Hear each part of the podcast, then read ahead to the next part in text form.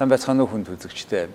Өнөөдөр манай дефакто нэвтрүүлгийн зочноор Америк нэгдсэн улсын их сургуулийн ангаахын сургуулийн профессор хэрүүр ноён Самуэл Со оролцож байна.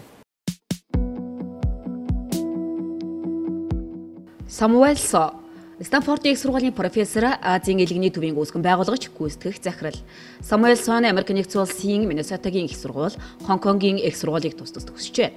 Тэрээр Америк нэгдсэн улсын эм хүнсний газар зөвлөх, Америкийн элэг шилжүүлэн суулгах комиссийн гишүүн, хүүхдийн элэг шилжүүлэн суулгах судалгааны төвийн үүсгэн байгуулагч, дарга, Дэлхийн эрүүл мэндийн байгууллагын номхон далайн бүсийн зөвлөхөөр тус тус ажилладаг.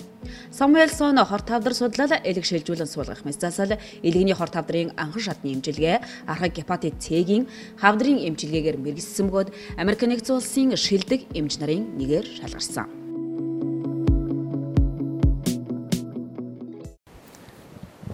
Good afternoon. Good afternoon.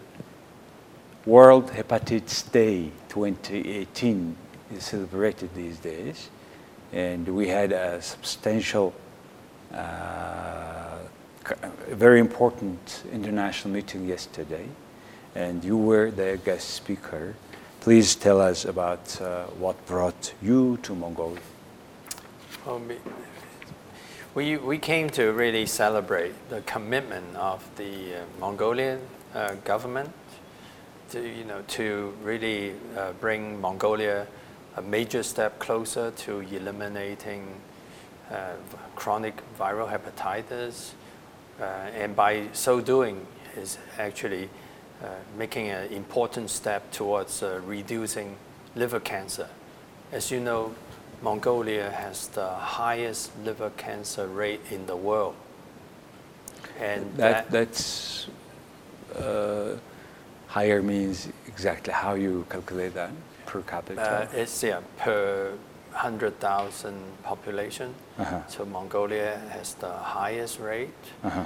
And, uh, and this is really due to a preventable uh, disease. Mm, it, that would be.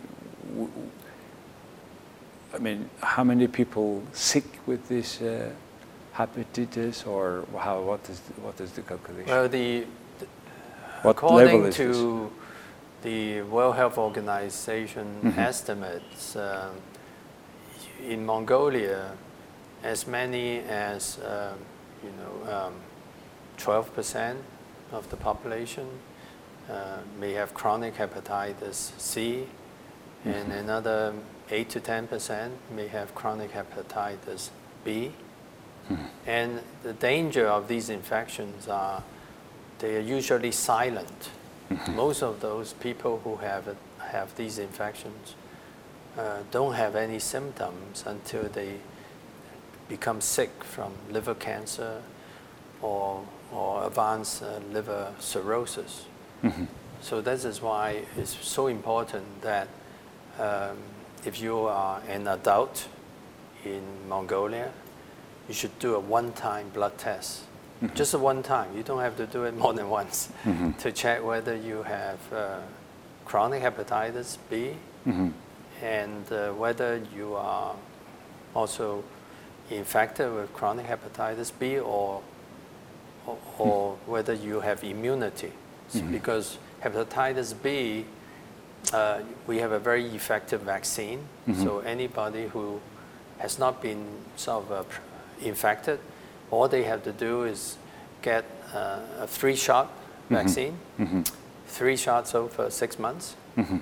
it can protect them for life. So that's why very often in our media campaign we have this sign, three shots, okay for life. Mhm. Okay, for life. Um, uh, very sad to learn that 12% of population has the C. And have they, have they, this 12% already got vaccinated in Mongolia? Well, C, there's no vaccine. So you have to make a difference, be, you know, uh, difference between B and C. Uh-huh. So B has a vaccine. yeah, B has a vaccine, and, Uh-huh. and B, C, no. B, I think Mongolia has done a very good job Uh-huh. uh, with vaccinating uh, infants and newborns. Mhm. Um, so I think you know for the young people in uh, Mongolia, especially children, uh, most of them should have been vaccinated and are protected because the vaccine was not was only sort of made available mm-hmm. about 35 years ago, mm-hmm. and in Asia, most of the countries did not actually start vaccinating newborns until 1992. Hmm. Okay, so a lot of the older uh, adults, you hmm. know, maybe over 21, hmm. may still be vulnerable because if they weren't vaccinated when they were newborn, mm-hmm. right? So, so I think both diseases Uh, are more of a problem in uh-huh. adult population. Uh-huh. I think the, the, the prevalence in children will be very low. Uh-huh. The reason for uh, one is B, you, most, most of the children, young people have been vaccinated. For, for C, a major way people got hepatitis C is in the old days through unsafe injections. Mm-hmm. Okay, it could be from, you know, in the old days when you don't have uh, disposable needles and syringes, right, you could, you could have been, people could have been exposed to that. People in the past who, um, you know, had surgery, blood transfusion, because before the 1990s, the, you know, people didn't know there was hepatitis C. So there was no test to, you know, check for uh, blood. Know, So the whole world didn't know about yeah, it. whole, whole world didn't know. Oh my goodness, okay. So, so that's why if anybody have an operation between, before the 1990s, they could have been exposed to uh, hepatitis C because, you know, uh, in those days even the blood bank don't have a test to check for it. So we, uh, we in the old days, uh, we used to call it non-A, non-B Okay. because we don't, didn't know there was a C. Uh-huh. Wow. So we had a time in the 50s. uh, having this hepatitis, but people didn't know. Then people were just in 60s, 70s, people were dying because the cancer, liver cancer, liver cancer, liver cancer all the time. We tell people are dying. And uh, we didn't know that it was caused this hepatitis C long time before the death, right? It's happening. right. How long, by the way, it's happening? Once the God, a person gets that disease, this it's a virus, right? Virus. They, Right, once right. they see hepatitis C virus, how long it usually takes time to get that person having a cancer and dying? So usually with uh, chronic hepatitis C, it usually does take over 20 years, you know, 20, 30 to 40 years later, then when people, when those who got infected develop um, damage to the liver, which ca- cause scarring of the liver, we call cirrhosis, then they, they run the risk of developing liver cancer. But for B, Okay, B is a very old virus. Recent, uh, recent study this year suggests hepatitis B is between 8,500 to 21,000 year, years old. Mm-hmm. And in the last 10 years, it has been discovered in mummies, uh-huh. mummified children in Korea, uh-huh. as well as in Italy. Huh. So this is a very old virus. For B, uh, the, the risk is actually a lot of people in Asia got infected uh-huh. at a very young age. Some of them from the mother who carried the virus to the newborn uh-huh. at birth. Uh-huh. If the newborn did not get vaccinated, mm-hmm. and the vaccine was not available in the old days, right? Mm-hmm.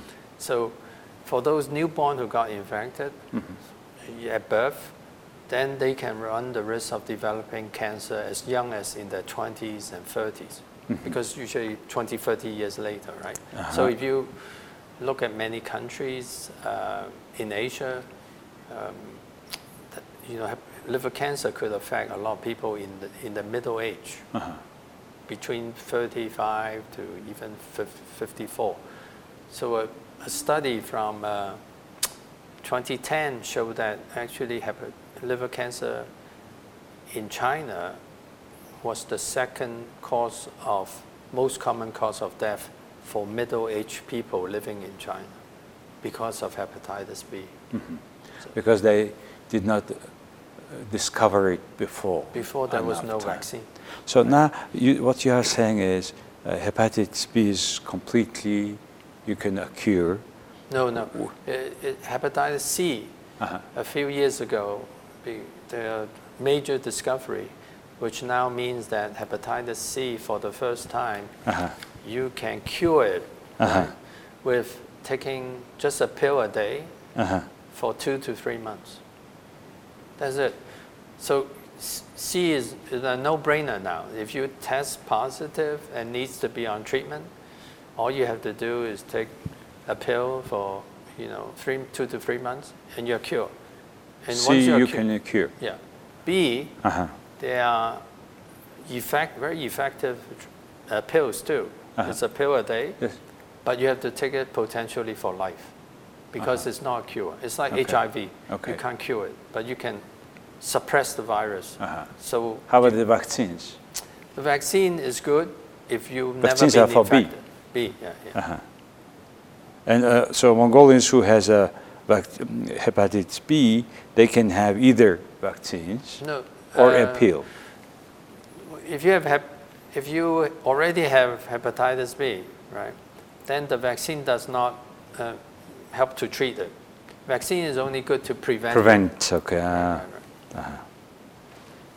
to prevent if once you have it then you have a pills but still you can use this can- pill and it, it, this will not bring that hepatitis b viruses to the uh, cancer they will not It will reduce, greatly reduce the risk. Ah. You- okay? But not totally. It will reduce the risk. you are a doctor Yeah. and many days you spend making surgery on liver and uh, you have been doing liver transplants right how many years you're doing that and how Oh, many over people 30 years. over 30 years transplanting Right, li- uh, liver Liver, yeah. And this transplant of uh, liver were not possible until last year, I think, in Mongolia. They tried a couple times here, but it is not that much bigger. It's only a few cases, just this country just learning to do so. Mhm. From when the world started to transplant liver? Oh, the, the earliest, uh, you know, successful transplants uh, were done in the United States. Uh-huh. Um, there, was, there was a very famous surgeon, uh, Dr. Tom Starzl, Uh-huh. who really, you know, pioneered the field. Uh-huh. And, um, and by the time I entered, you know, you know, where I actually did a, you know, like a 70 transplants per year or, or so just by myself, Mhm. you know, the success rate back in even the uh, 19, uh, you know, 1990s, you know, in our center Mhm. was already, you know, 90%, you know, um, uh, successful. Mhm. So the transplant, liver transplant now are very successful, except if it is transplant for liver cancer, Uh-huh. there's still a risk the cancer after transplant can come back. Oh, I see. So the best way is actually prevent people from developing liver cancer because liver cancer to, to this day is one of the deadliest cancers because one, most of the time, by the time it's discovered, it's already more advanced. And when it's more advanced, there's no effective chemotherapy. Okay, so the, the best way if people develop liver cancer is if you can catch it very early, then you, then you can successfully remove it, right? I see. But even after removal, liver cancer has a higher risk of it coming back. Mhm. So when I treat my patients with liver cancer, I have to follow them for life. So every year I will have to do a many? expensive scan, C- MRI, CT scan, maybe twice a year initially Wow. or three times a year, and then after a few years you still have to do it at least once a year. Wow. So, so you can see all the expenses, right? Mhm. Whereas if you prevent it, I it's see going that. to co- it How was many- going to save Mongolia tons of money if you can.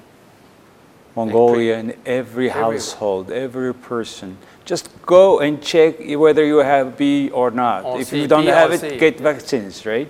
Yeah, B is uh, B, C because of this uh, incredible medicine. You can you can cure you in in two three months. You know, that's why everybody in every adult in Mongolia should get a one-time blood test for Just for C. once. And You try don't. It's not like a cholesterol test. you don't have to do it more than once. If you don't have it, you don't. You, you know. Every Mongolian should go right now if they have not done yet, right? Yeah, get a one-time test for B, one-time test for C. How many interesting you have made a liver transplant in your life? How many liver transplants Yes. I've done? Um, probably several hundreds. But you know, there are, transplant is very expensive. Yes. Right. And also it's limited by the organs. Uh-huh. So even you know in U.S. every year there are many people waiting for a liver transplant, Uh-huh. and some of them die before they have access to a transplant. The donor liver. Yeah, the, Uh, here, I remember certain private cases where either close parents or children, sister, brothers were uh, donating life, the life Yeah, yeah. donating. Uh, Does it work in, in the U.S.? But uh, ideally, you, you know, you would like to use a, you know, uh, an organ from someone who recently, the, you know, became brain dead from a car accident or whatever, Okay. right? Because then you don't subject another person having to have an operation Yes. To, to try and save a life. What w- in our center we usually only use um, living donor Uh-huh. for uh, transplanting uh, children, because if you transplant a child, the, the To the child. to a child, Uh-huh. you only on the adult you only remove a very small piece of liver. I see. Okay, but if you transplant, and you know another adult, the donor may have to give up almost you know 50, 60 percent of his own liver. Huh. So the risk of surgery is higher, right? So, um, so we don't in our center we we don't do much uh, adult living donor transplant. Mhm. So we, we do we, we do it child. just if it's donating a child because it's why the child would have in the U.S. that need. Children usually are transplanted not because of uh, cancer. They're usually transplanted for congenital liver disease.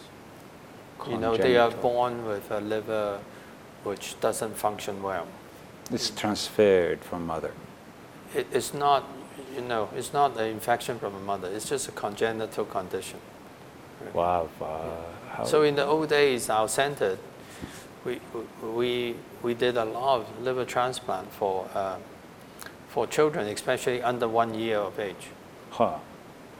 It should be very tiny work. It's such it's a a small lot of work baby. because the blood vessels are tiny. Uh-huh. We have to wear magnifying Oh, loupes to okay. connect a little tiny blood vessel together.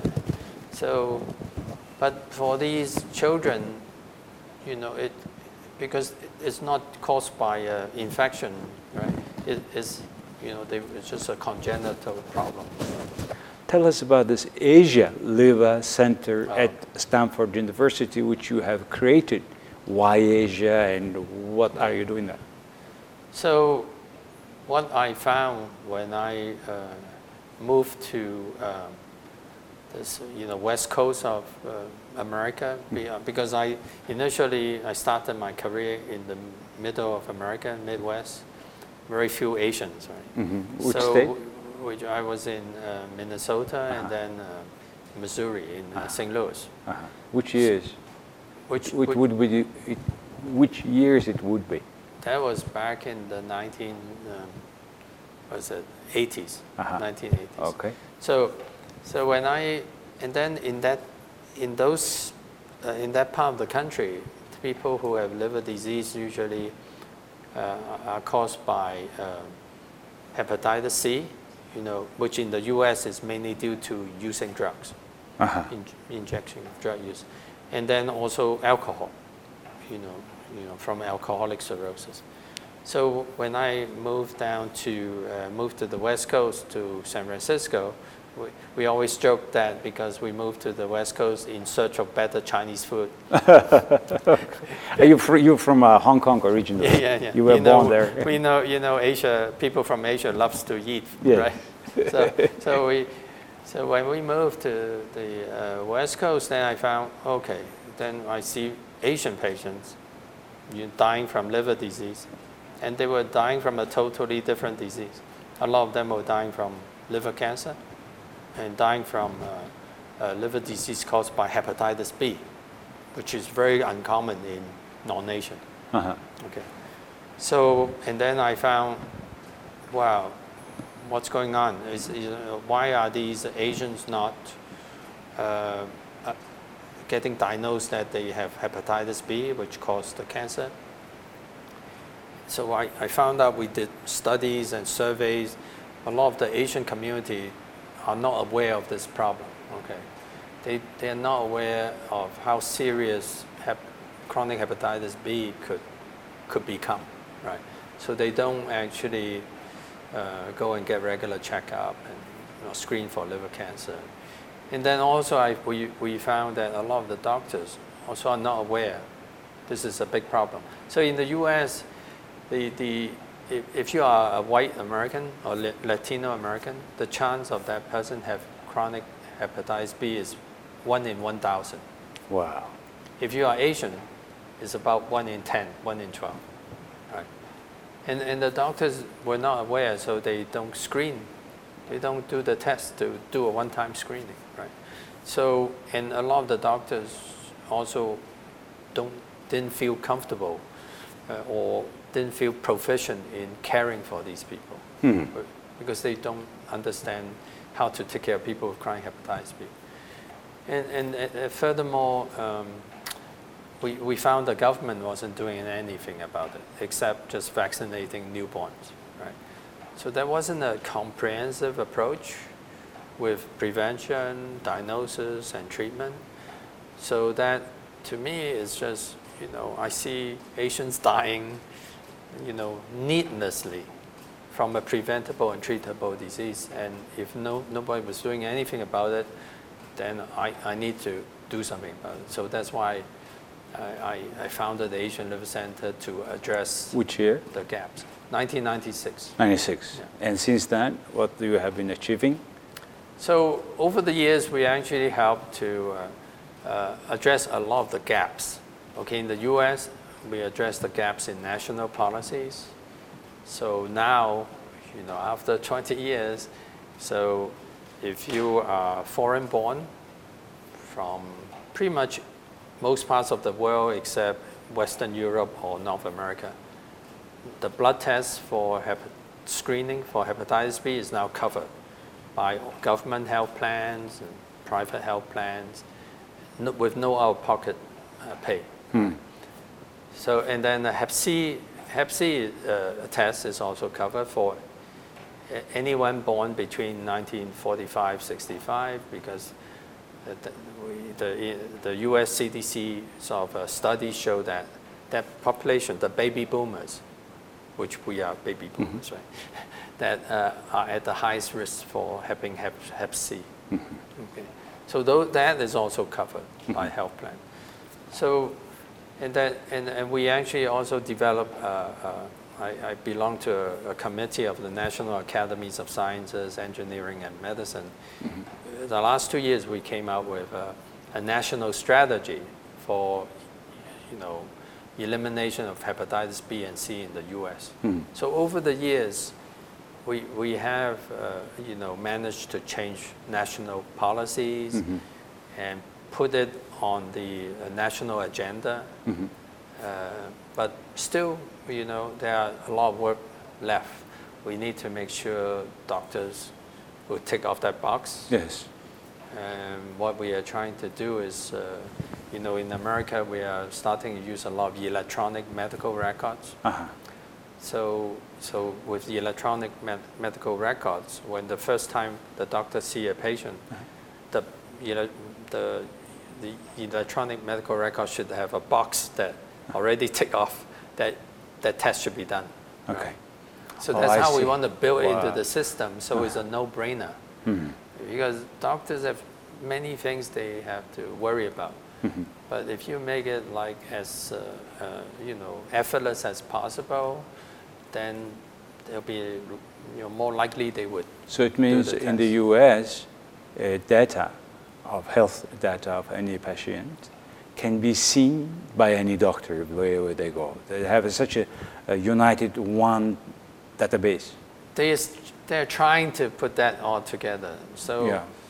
so uh, but the key is the first time the patient see a new doctor, right? Yeah. So correct. then the doctor should, you know, don't even have Check. to think about it because a lot of these now are built in.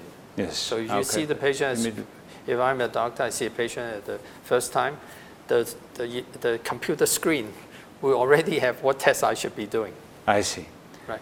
So one of the efforts you are through your center created this uh, jade Yeah. ribbon. Tell us about that. So, as you know, um, you know, branding is very important for anything. Yes. You know, for a business uh, product, for Coca-Cola, whatever, Nike. So, you know, I think equally important in health, because um, if you don't have a nice brand, people don't think about it, Yes. right? People don't want to go and talk about hepatitis, liver cancer. Yes. Sounds very boring. I mean, Yes. it's depressing. So if you, uh, you know, build build the, the awareness uh, around a brand. Yes. So we use the brand. Uh, you know, we borrow this from the red ribbon from Uh-huh. HIV, which has Uh-huh. become worldwide, Uh-huh. rec- widely recognized. Uh-huh. So we, we, we use the jade color, jade Uh-huh. ribbon, right? Uh-huh. And jade, uh, as you know, in a lot of cultures, it represents health Yes. and longevity, right? It's good. Yes. So we use the jade color and jade ribbon to tr- try and bring people around the world to eliminate hepatitis B and also reduce liver cancer. And, and also be compassionate for those people living with uh, uh, viral hepatitis because, you know, sometimes people, you know, um, have misconception as to how these hepatitis are transmitted and they may be, you know, keep that distance from these people. Which is happening in some reason. culture. Yeah, yeah. Yeah, there is, which is not actually happening. Right, right. Um, well, we in Mongolia are very happy that you visited Mongolia. Thank you, thank you. Your knowledge, your experiences are important for overcoming these issues in Mongolia. As you said, unfortunately, we have the highest per capita this disease, and hopefully, this our conversation will help many to think twice about their health situations. We, we also want to uh, bring up that um, we collaborated with the Ministry of Health uh, um, and developed a, a training course for health in Mongolian uh, for all so- targeting all primary care uh, med- uh, sort of, uh, healthcare providers, nurses, as well as doctors. What a wonderful job! And, and so they, because what I fo- found traveling around the world is most countries don't have a formal curriculum to train healthcare workers about you know, knowledge, prevention, diagnosis, control of viral hepatitis.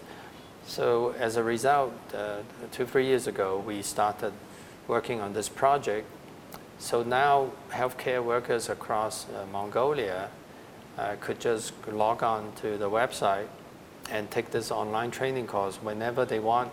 And in Mongolian as well, right? Yeah, in Mongolia, we just actually, uh, yesterday, we launched it uh, in the morning, Yes. officially launched the course.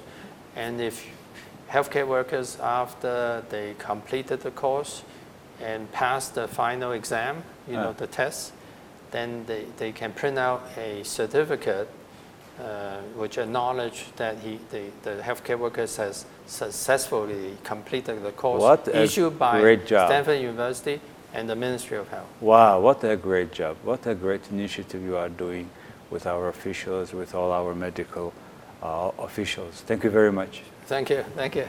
Really, I enjoyed yeah, this thank you. conversation. Thank you, thank you. Thank you. За хүн төлөгчтэй өнөөдөр манай дефакто нэвтрүүлгийн зочноор Станфордын их сургуулийн ангаахын сургуулийнх нь тийм юу илэгний төв гэж байдаг. Энийний дарга алдартай мис засалж ноён соо оролцлоо. Их баярлалаа.